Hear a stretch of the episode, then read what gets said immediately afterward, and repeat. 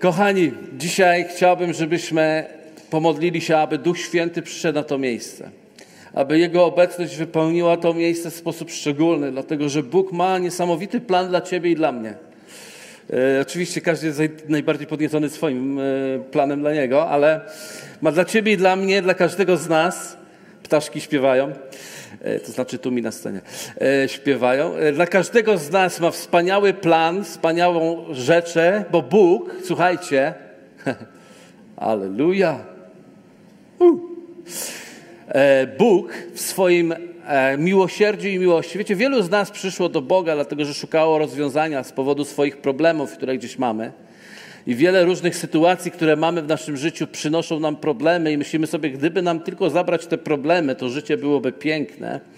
Ale chcę Wam dzisiaj też powiedzieć jedną bardzo ważną rzecz, że Bóg nie tylko chce rozwiązać Twoje problemy, On chce Ciebie wprowadzić w życie, rodzaj życia, Bożego, obfitego, Bożego rodzaju życia.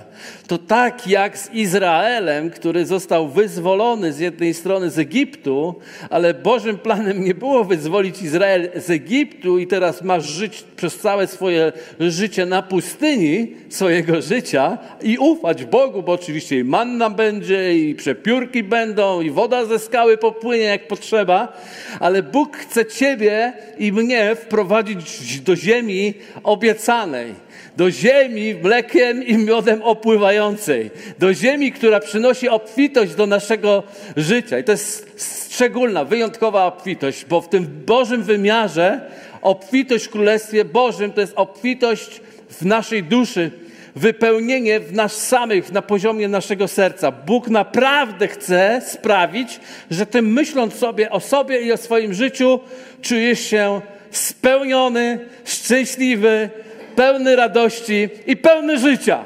To jest to, co Bóg chce uczynić dla nas. To jest tak ważne, dlatego że świat dzisiaj produkuje ludzi, którzy gdzieś w sobie żyją w depresji, i owocem tego, kiedy myśli gdzieś w sobie o sobie i, i medytuje nad sobą samym, to właściwie dochodzi do bardzo ciężkich wniosków i często potrzebujemy wtedy przyjść, powiedz mi coś, zachęć mnie, ponieważ jestem w jakiejś depresji, jakimś trudnym czasie, ale Bóg nie chce tylko być takim tabletką na ból głowy, tabletką na depresję, tabletką na coś takiego. On chce, żebyś ty poszedł w innym kierunku niż cały świat. Żebyś poszedł w takim kierunku, że jak już zostajesz sam, reflektory wszystkie zgasną, leżysz sam w łóżku, myślisz sobie, ale jestem fajny, ale życie jest fajne, ale jest super, a jutro jest poniedziałek. Halleluja! I do przodu, jak to mówi klasyk. Amen? Fajnie, że Was podekscytowałem bardzo.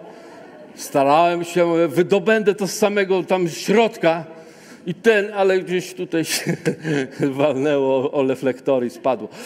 Kochani, Bóg naprawdę ma dla nas życie, które będzie powodowało, że będziemy nakręcać się tylko dlatego, że będziemy myśleli trochę o sobie. Kiedy ostatnio nakręcałeś się pozytywnie, myśląc o sobie? Kiedy ostatnio cieszyłeś się tym wszystkim, co w Twoim życiu się dzieje? Kiedy ostatnio myślałeś sobie, wow, ja to jestem szczęśliwym człowiekiem, ponieważ Bóg jest obecny w moim życiu? To Bóg ma dla każdego z nas. On nie chce nas tylko uwolnić, ale nas naprawdę chce wprowadzić. I chciałbym dzisiaj o tym powiedzieć, e, w oparciu trochę o tą historię, którą wszyscy znamy, kiedy to Mojżesz zostaje powołany przez Boga aby wyprowadził lud z ziemi egipskiej i znamy tą historię, bardzo ją e, dobrze wiemy o niej i prowadzi ją i potem my wiemy, że ta historia kończy się tym, że 40 lat Izrael chodzi po pustyni. 40 lat chodzi po pustyni. I wiecie, ja jestem przekonany jestem pewien, że te 40 lat Izraela na pustyni nie jest po to, żeby nam powiedzieć, co nas czeka zaraz, jak wyjdziemy z Egiptu, jest po to, żeby być dla nas przestrogą, że jeśli nie zaufamy Bogu naprawdę do końca, to możemy krążyć, krążyć, krążyć po pustyni naszego życia i z jednej strony, no dobra, to już nie jest niewola, to już nie jest niewola, no ja już będę zbawiony, ja idę do nieba, ja będę dzieckiem Boga już zawsze, no super, świetnie, tylko że życie może zafundować sobie ciągłej posłuchy chodzenia po pustyni, i właściwie pustynia to jest takie miejsce tworzenia religii, pewnej obrządkowości swojego życia. To jest tam, my to robimy tak, żeby to jakoś spasować. To moje wyznanie wiary z tym życiem, z którym sobie średnio radzę. Próbuję to jakoś spasować, to nigdy nie pasuje, zawsze to wychodzi jakiś karakan, ale ja próbuję się z tym pogodzić. Bo wiecie, Izrael nie tylko chodził 40 lat po pustyni, ale jak za chwilę zobaczycie, to całe pokolenie, które wyszło z Egiptu, oprócz dwóch osób, Oprócz dwóch osób, całe pokolenie, które wyszło z Egiptu, pomarło na tej pustyni. I ja mam takie pytanie: ilu z Was po prostu wyszło z Egiptu swojego życia, wyszło, z, zrobiło krok wiary, oddało swoje życie Bogu i myśli sobie, teraz mam fantastyczny czas budowania zamków na piasku, na mojej własnej osobistej pustyni, aż do grobowej deski. Nikt tego z nas nie oczekuje. Ale nie wiem, czy czytaliście dokładnie tą historię, ale minął zaledwie rok. Wiecie, rok w czasie, kiedy się nie ma samochodów, autobusów, karawan i innych rzeczy. Rok przejść pustynię Synaj aż do, aż do ziemi obiecanej, do Kanaanu, to jest bardzo szybka podróż. Naprawdę Bóg zrobił wszystko. Oczywiście pewne rzeczy musiały się dokonać na pustyni. Tak jak się na, Sy na Synaju dokonało otrzymanie prawa mojżeszowego. Bóg dał swoje prawo. Prawo mojżeszowe nie miało nigdy przygnieść. Prawo mojżeszowe miało być dane, żeby uczyć nas Bożego charakteru i tego, jak dobry jest Bóg i jaka łaska jest nad Bogiem. I oni otrzymali prawo i po roku stanęli nad granicą swojego obiecanej ziemi. Oni już po tym roku, błogosławionym roku, bo jednak to była pustynia, w którym, wiecie, wszyscy czytamy, że były manna, że była woda ze skały, że przez Morze Czerwone przeszli, że e, mieli e, e, przepiórki do jedzenia, że cuda się działy niesamowite na tej pustyni, ale jak zobaczycie i poczytacie, to zobaczycie, że to się działo przez ten jeden rok. Że to przez ten rok najwięcej tych cudów się działo. Że nawet ta pustynia była wypełniona Bożą mocą i Bożą obecnością i Bożą chwałą. Ponieważ w Bożym planie zawsze jest pustynia jeden rok. A człowiek sobie potrafi wykombinować całe życie.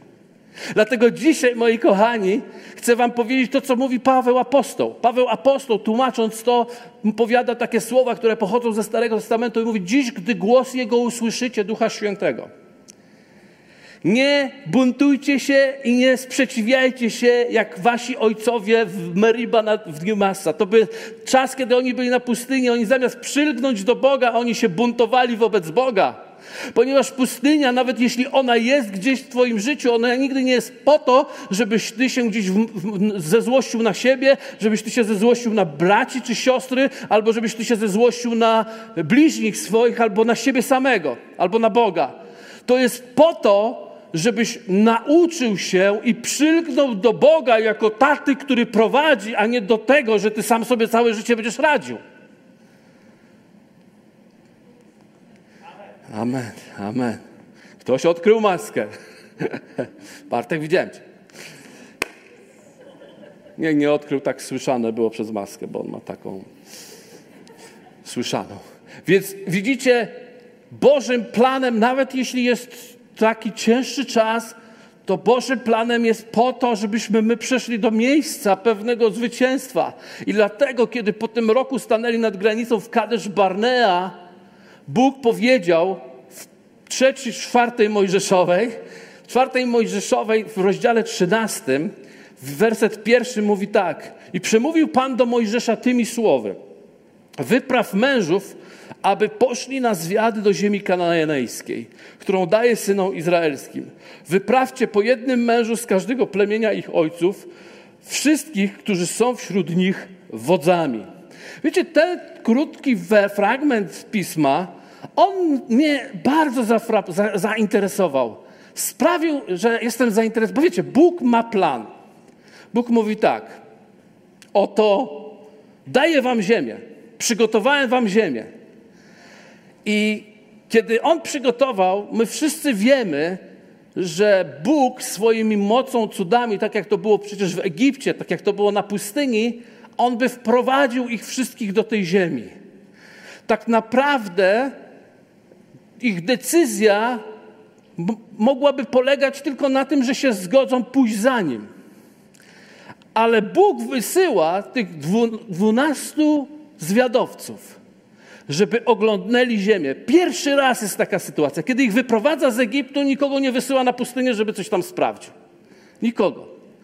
Pierwszy raz jest sytuacja, w której Bóg mówi: weź wodzów, tych, którzy są wodzami, przywódcami ludu, niech oni idą i sprawdzą tą ziemię. Długo myślałem nad tym fragmentem i doszedłem do bardzo konkretnego wniosku, że oczywiście, że Bóg chce cię prowadzić i mówi: zaufaj mi. I często idziemy w rzeczy, które nie wiemy, ale ufamy Bogu i wchodzimy w nie i zdecydujemy się iść w to miejsce. Ale w tym wypadku jest troszkę inaczej. W tym wypadku Bóg mówi tak: pokażę ci coś. Pokażę ci coś. A ty podejmiesz decyzję, czy za tym pójść. Wow. To jest niesamowite. Nie tylko zaufaj mi, ale teraz to ja ci pokażę, przed czym naprawdę stoisz. Teraz to ja ci pokażę, na czym to naprawdę polega. I oni wybrali się do tej ziemi, do tego ziemi Kanaan na południe, właściwie Izraela późniejszego, i obserwowali, co tam się dzieje. I okazało się, że winogrona, które tam były, kiść jedna, musiało we, musieli nieść we dwójkę. Postanowili pokazać swojemu ludowi, co tam, jak to ona jest obfita. Tam były też e, granaty i figi. Figi. Na nogi dobre ponoć. Amen. Amen. Figi.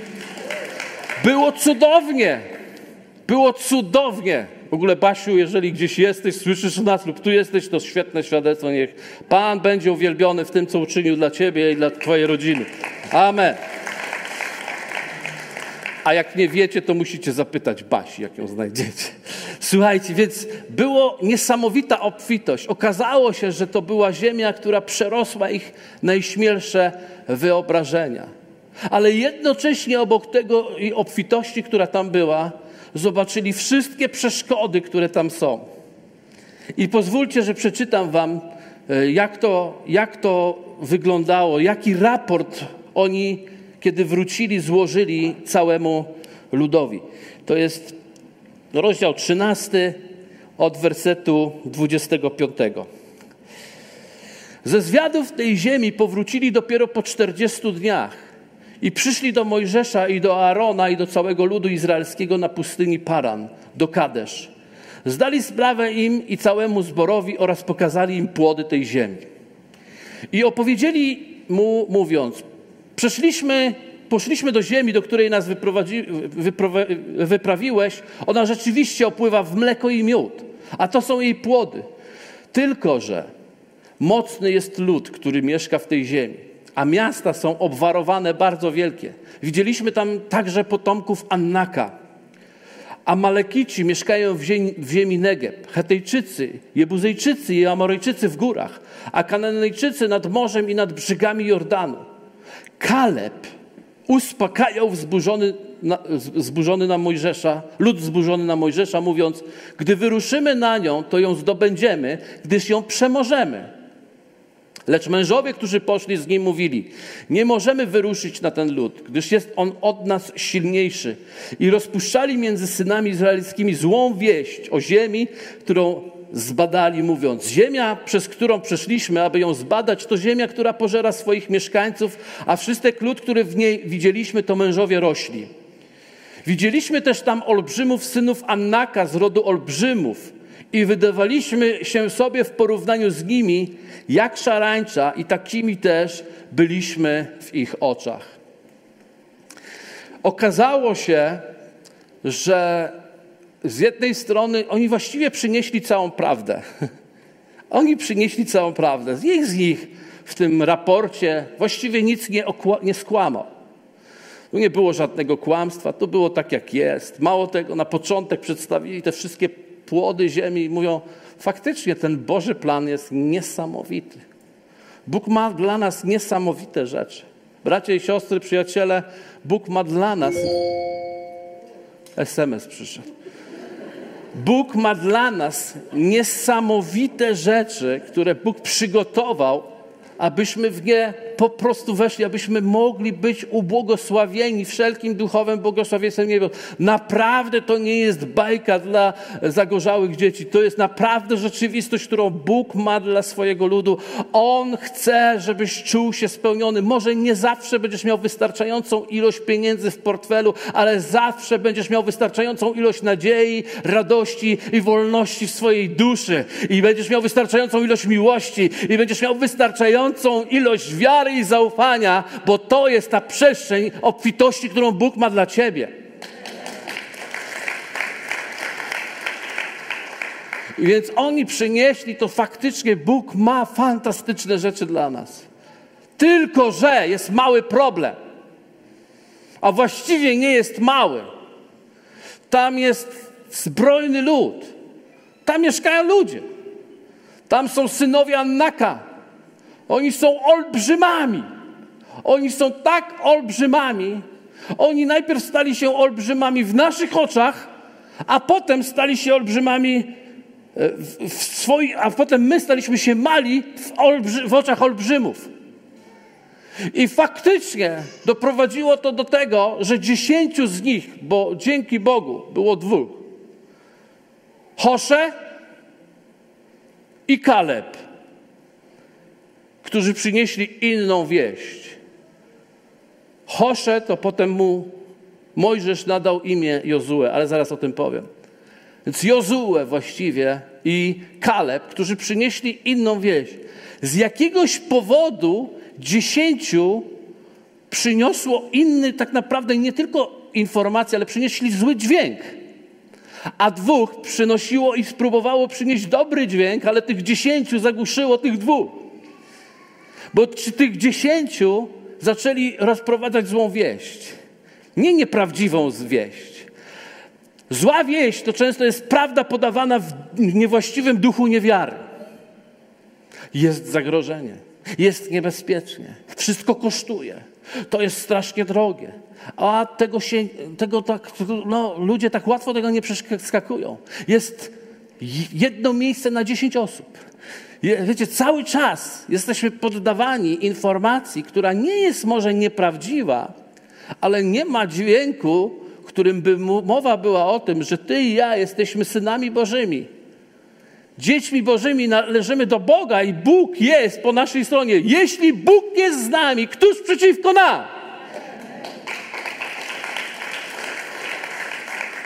O ile to fajnie się śpiewa w obozie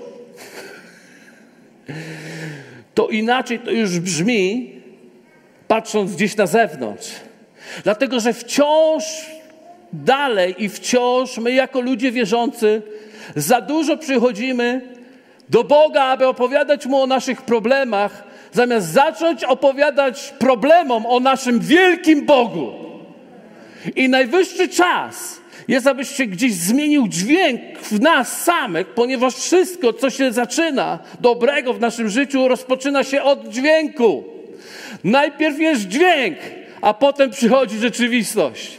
Najpierw Bóg powiedział słowo i stało się ciało. Najpierw Bóg powiedział, niech stanie się światłość, a potem przyszła światłość. Potem Bóg powiedział, niech staną się różne rzeczy i rzeczy się stawały. Bo w Królestwie Bożym dźwięk ma większe znaczenie, który wydajemy, niż nawet treść, którą wydajemy. Czyli ta atmosfera, która idzie ze Słowem. Możesz powiedzieć, wierzę Bogu. I możesz powiedzieć, wierzę Bogu. I na poziomie intelektu, naszego rozumu i słyszenia my mówimy: O, wszystko się zgadza, wszystko odpowiada. Ale na poziomie ducha wiesz, że coś jest nie tak. To jest tak, jak kiedyś wieszczka, czarno, czarnoksiężna babka chodziła za Pawłem i mówiła i krzyczała za nimi: To są synowie Boga Najwyższego i ich słuchajcie. No nic lepszego nie mogła krzyczeć. No nic lepszego nie mogła krzyczeć, tylko był mały problem, że Paweł w duchu był znękany tym krzyczeniem. Wiecie, on nie był znękany treścią, bo prawdopodobnie się z nią zgadzał. Ale był znękany duchem, w którym jest to wypowiadane. Ponieważ duch ma ogromne znaczenie, w jakim wypowiadamy rzeczy w naszym życiu. I dlatego odwrócił się i okazał i rozpoznał w niej demona, którego zgromił i wyrzucił, bo demon mówił prawdę w niewłaściwy sposób, w niewłaściwej atmosferze i w niewłaściwym dźwięku. Dlatego tak naprawdę potrzebny jest właściwy dźwięk w nas. Potrzebny jest właściwy dźwięk w kościołach. Niektórzy mówią, dlaczego w tym kościele czy w tamtym kościele, no mówi się dobrze, przecież to się zgadza wszystko, wszystko się zgadza, ale, ale ten dźwięk, ale ten, ten dźwięk zamiast to gdzieś tam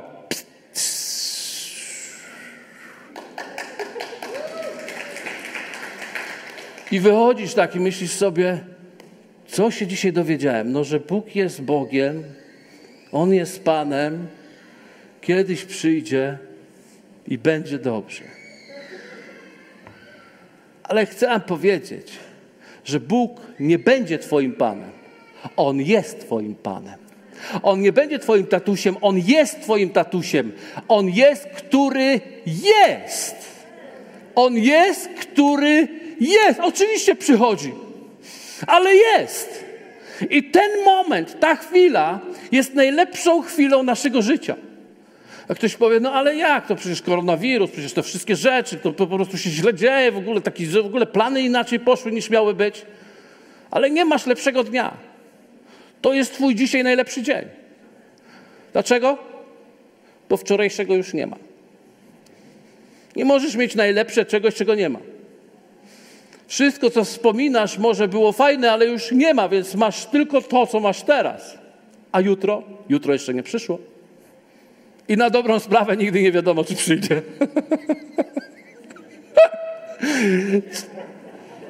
Czekał coś tam do niedzieli, a w sobotę coś tam. Łeb ucięli. Ale prawda jest taka, że jeśli naprawdę nie nauczymy się żyć tym, co teraz Bóg wkłada w nasze serca, to kim Bóg rzeczywiście jest dla nas w tym momencie. Jeśli nie wyjdziemy teraz, to może być bardzo źle. Dlatego, że okazało się, że ci zwiadowcy zarazili cały naród. I ten cały naród zatrzymał ich wszystkich na następne 40 lat. Bóg nigdy nie chciał, żeby oni chodzili 40 lat po pustyni. On chciał, żeby weszli jak najszybciej. Bo Bóg naprawdę Ciebie kocha. I naprawdę kocha każdego z nas. I naprawdę chce, aby rzeczy się działy w każdym z nas. Wiecie, było tych dwóch zwiadowców i na nich chciałbym się chwilę jeszcze skupić. Był Hosze. E, też jest to, to jest to samo imię, co Ozeasz, jeżeli kojarzycie. Z księga Ozeasza. Ale to nie jest ten sam Ozeasz, ale Ozeasz jest takie samo imię. I Ozeasz oznacza wybawiciel. Ozeasz oznacza wybawiciel. I zobaczcie, w 13 rozdziale, w wersecie 16, czytamy takie słowa. Takie są imiona mężów, których wyprawił Mojżesz, aby poszli na zwiady do ziemi, do tej ziemi. Hosze, syn Nuna, Mojżesz nazwał go Jozue. Jest bardzo ciekawa historia. Mojżesz nadał Hosze imię Jozue. Z jakiegoś powodu z tych wszystkich przywódców tego jednego wybrał i powiedział: Nie, tobie to imię muszę zmienić. Coś mu się w Hosze nie odpowiadało. Nie wiem, ilu z Was wie, że Jozue to tak naprawdę to jest dokładnie to samo imię po polsku przetłumaczone jako Jozue, którym jest Jezus Chrystus. Jezus. Nie wiem, czy wiecie, że to jest to samo imię. Jeśli nie wiecie, to właśnie się dowiedzieliście, że Jozue i Jezus to jest to samo imię. W języku polskim po prostu to tak zrobili, żeby nie myliło się. Ale Jeszua właśnie, który jest przetłumaczony tu jako Jozue i Jeszua, który jest przetłumaczony jako Jezus, to jest jedno i to samo imię. Tak samo jak z Marią jest, czy z Maryją. Wiecie, tak naprawdę nie ma ani Marii, nie ma ani Maryi. tylko jest Miriam. Ale to tak nie po polsku brzmi. No, więc, więc chwała Bogu, że ktoś to zmienił. Dobrze. Zatem, zatem no, tak po prostu czasem sobie tłumacze po, poukładali to imionka, żeby po prostu nam bardziej to pasowało na, na, dla naszej kultury. Ale w rzeczywistości Jozue to jest Jeszua, to jest Jezus. Inaczej. I nie było to jego imię od urodzenia, ale Mojżesz mu nadał to imię. I ciekawe jest, że właśnie Hosze oznaczało wybawienie, zbawienie, podczas gdy Jezus oznacza Jahwe zbawia. Jahwe zbawia. Więc tak sobie patrzę na tego Mojżesza, który patrzy na tego Hosze i mówi, ej stary, no zbawienie, zbawienie. Ono samo z siebie nie przychodzi. Ono nie jest naszą zasługą. Będziesz się nazywał, to Jahwe zbawia. Jahwe zbawia, dlatego że jest plan dla Twojego życia. I był plan dla Jozułego właśnie, ponieważ Jozue był tym, który potem wprowadził lud obiecany do ziemi obiecanej. I tak naprawdę jest tym proroczym sygnałem. Już wtedy Bóg o to zadbał, żebyśmy wiedzieli, że to Jozue wprowadza do ziemi obiecanej, że to Jozue wybawia, że na imię Jozue zgina się każde kolano. Jak to brzmi? Dobra. Na imię Jezus zgina się każde kolano istot niebieskich, podziemnych i naziemnych. Tak? Dlatego On jest tym obrazem tego wprowadzenia ludu do ziemi obiecanej. Tylko patrząc na Jezusa możemy przejść do ziemi obiecanej. Potrzebujemy mieć na co patrzeć. Widzicie, kiedy ci ludzie poszli do tej ziemi, aby ją zwiedzać i zobaczyć, to patrzyli na niewłaściwe rzeczy. Oni patrzyli na problemy, zamiast popatrzeć na Jezusa, który jest sprawcą i dokończycielem naszego dzieła, na Boga, który ich wprowadzi w tą ziemię. I dokładnie to nie ma dzisiaj inaczej. Kiedy Bóg, bo Bóg nie chce tylko, żebyśmy za Nim poszli, On chce nam pokazać i chce nas nauczyć, żebyśmy widząc problemy, problemy wielkie problemy, ogromne problemy, w końcu nauczyli się Mu ufać. W końcu nauczyli się Mu ufać. To jest niesamowite, ale za każdym razem, odkąd przyszła, zrozumiałem to, że Bóg chce, żebyśmy stanęli w Bożym zaufaniu i sami dokonywali wyboru Boga, a nie tylko On, żeby nas wybierał za każdym razem, ale żebyśmy my sami, to widzę to wszędzie. Widzę to w czasie sztormu, kiedy Jezus śpi, oni prawie toną, uczniowie, apostołowie, i nagle budzą Jezusa i wołają: Jezu, to nie my. Z chrześcijańskiego punktu widzenia, przynajmniej tego, co ja się uczyłem przez całe życie, zrobili bardzo dobrze. Ale z punktu widzenia Jezusa on był trochę zły na nich i powiedział: Czemu to tak wiary macie mało? Myślę, że nie dlatego, że się obudził i go obudzili, ale dlatego, że on wiedział, że gdyby oni stanęli w autorytecie i nie patrzyli na burzę, ale w Jego imię zgromili tą burzę, zatrzymaliby Go. Bo inaczej byłoby bez sensu Jego złość. Nie uważacie? To byłaby bez sensu Jego zaskoczenie, Jego, jak wam brak wiary ciągle. Albo Piotr, kiedy wyszedł po morzu. Pamiętacie, kiedy Piotr wyszedł po morzu? Jeśli to Ty, Panie, to każ mi przyjść, to chodź. I on idzie. Piotr jako jedyny z apostołów bierze autorytet i idzie po morzu. I kiedy nagle Wyszedł wicher i on zaczął, przestraszył się i zaczął tonąć. Wiecie, co on zawołał? Jezu, ratuj! Najbardziej nasza ulubiona modlitwa na świecie. Jezus oczywiście zawsze zareaguje i go uratował, złapał go za rękę, podciągnął go do góry i powiedział, jak ci mało wiary, jaką ty masz mało wiary. Widzicie, jest różnica ciągłego wołania, między ciągłym wołaniem Jezu ratuj, a wzięcia i zrozumienia tego, kim w nim ja już jestem i w jakie, do czego ja jestem powołany i w jaki sposób ja dokonuję wyboru, aby pójść za Bogiem, wierząc, kim On jest. Czyli ja nie chcę być całe życie i Bóg nie chce nas całe życie gdzieś ciągnąć, a On chce, żebyśmy, żeby wypchnąć nas i abyśmy podjęli decyzję, żeby gdzieś pójść. I to jest właśnie to, przed czym my dzisiaj stoimy i każdy z nas. Niech powstań ze swojego miejsca i zacznij kreować swoje życie zgodnie z tym, jak Duch Święty w tobie pracuje i jest, i wydaj dźwięk zaufania, że należysz do Bożego ludu. Bo cały świat nie potrzebuje dzieci Bożych. Cały świat potrzebuje synów Bożych. Synowie chodzą inaczej niż dzieci. Synowie chwytają życie inaczej niż dzieci. Dzieci ciągle potrzebują ojca, żeby czuć się kochane. Synowie wiedzą, kim jest ojciec i pokazują wszystkim, aby inni go kochali. To jest absolutnie inny poziom, inne zrozumienie. I Bóg mówi, musimy przestać być już dziećmi, bo dziedzic, dziedzic dopóki jest dzieckiem, jest jak niewolnik, mimo że jest panem wszystkiego, mówili z do Galatów. Więc dlatego przestańmy wciąż. E, to niby, nie wiem, chciałbym, powinno to być na streamie tam zamkniętym, tak? Bo chciałbym, żebyście to zrozumieli.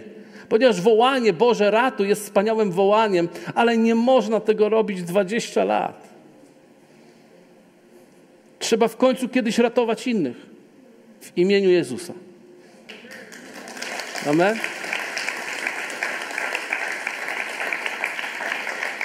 Dlatego Jozue, mając już po 80 parę lat i potem Kaleb, Kaleb w ogóle oznacza pies. tak słyszałem. Wierny jak pies dosłownie. I to był taki, taki bohater drugiego planu. Jego za wiele nie ma, ale on gdzieś tam jest w tyle. I kiedy mówili, tam są synowie Annaka olbrzymy, to on mówi, nie no damy radę, damy radę. Miał wtedy, miał wtedy 40 lat. Mówi, damy radę. I nagle ma powyżej 80 lat i mówi do Jozuego, popatrzcie, w księdze Jozuego, w rozdziale 14 mamy takie słowa. Kaleb mówi do Jozuego, daj mi więc teraz te góry, o których mówił Pan w, twoim, w tym dniu. Sam bowiem słyszałeś tego dnia, że są tam Anakici i wielkie warowne miasta. Może Pan będzie ze mną i wypędzę ich, jak powiedział Pan. Jozue pobłogosławił wtedy Kaleba, syna Jefunego i dał mu Hebron jako dziedzictwo. Kabel, ka, kabel. Kaleb mówi tak. O, jeszcze wcześniej, nie dałem jednego wersetu, wcześniej jest powiedziane tak. Mam już ponad 80 lat, ale czuję się tak, jakbym dalej miał 40. Erika się z tym utożsamia, nie? Czuje się tak silny, że mówi do niego tak, daj mi te góry. Co to znaczy daj mi te góry? Ja idę na synów Annaka. Bo jak, bo mój Pan mógł pokonać ich, kiedy miałem 40. I mój Pan ich pokona, kiedy mam 80.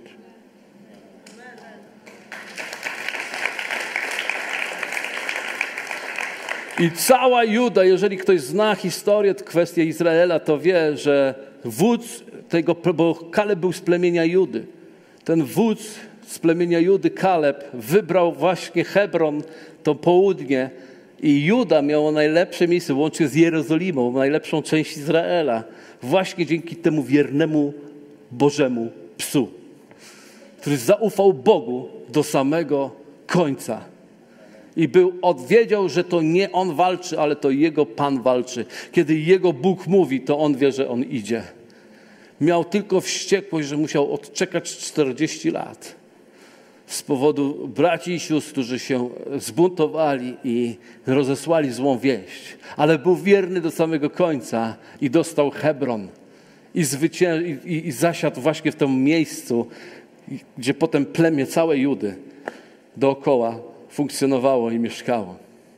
Jest Boża nagroda dla tych, którzy ufają Bogu. I Bóg chce tu zrodzić dzisiaj Jozue, Jozułów i Kalebów. I dobrze, że tu zmienili imię, bo by to brzmiało dziwne, nie? Chce zrodzić Jezusów tu i Kalebów. Takich małych, małych, czyli tak, mały Jezus to Jozue. Tak, dobrze, nie tak ustalmy. Takich małych Jezusów. Takich, którzy, bo wiecie, Jezus jest przykładem, jak człowiek powinien żyć na ziemi. On nie przyszedł, żeby mieć swoje sługi, on przyszedł, żeby mieć swoich przyjaciół, którzy dokonają te rzeczy, które on dokonywał, a nawet i większe, ponieważ zesłał swojego Ducha Świętego dla każdego z nas. Jego marzeniem, pragnieniem jest, abyś ty się objawił tak, jak on się objawił wtedy dla świata, a nie próbował jakoś dociągnąć. Kochani przyjaciele, nie dociągamy jakoś powstajemy i zajaśniemy chwałą Bożą. Czas przebudzenia rzeczywiście przychodzi do tego kraju. Absolutnie będzie. I powiem wam, że nie interesuje mnie, ilu przywódców danych plemion mówi inaczej. Wiem, kim jest mój Bóg. I chcę powiedzieć do naszych problemów, do naszych polskich problemów, że nasz Bóg jest większy nawet od naszej dumy narodowej. Amen. On jest Panem wszystkiego. Dlatego cokolwiek i gdziekolwiek jesteś i gdziekolwiek jesteś, w jakimkolwiek miejscu swojego życia jesteś, to chcę Ci powiedzieć, że On jest większy i że możesz powstać i zdecydować. Zostajesz na pustynię albo wchodzisz, pomimo że koszty są duże, ale nasza pastorowa, moja najlepsza żona, mówiła, że do ziemi, nie mówiła tak dosłownie do ziemi obiecanej, ale mówiła, że przez życie się idzie w ten sposób, że swój wzrok nie kierujesz na problemy, które masz, ale na Jezusa, który Tobą przewodzi. I wtedy zwyciężysz. Amen. Dzięki za odsłuchanie podcastu Kościoła Wrocław dla Jezusa. Przesłanie było dobre, prawda? Gwarantujemy, że to nie tylko teoria. Teraz Twój ruch, by zastosować je w swoim życiu.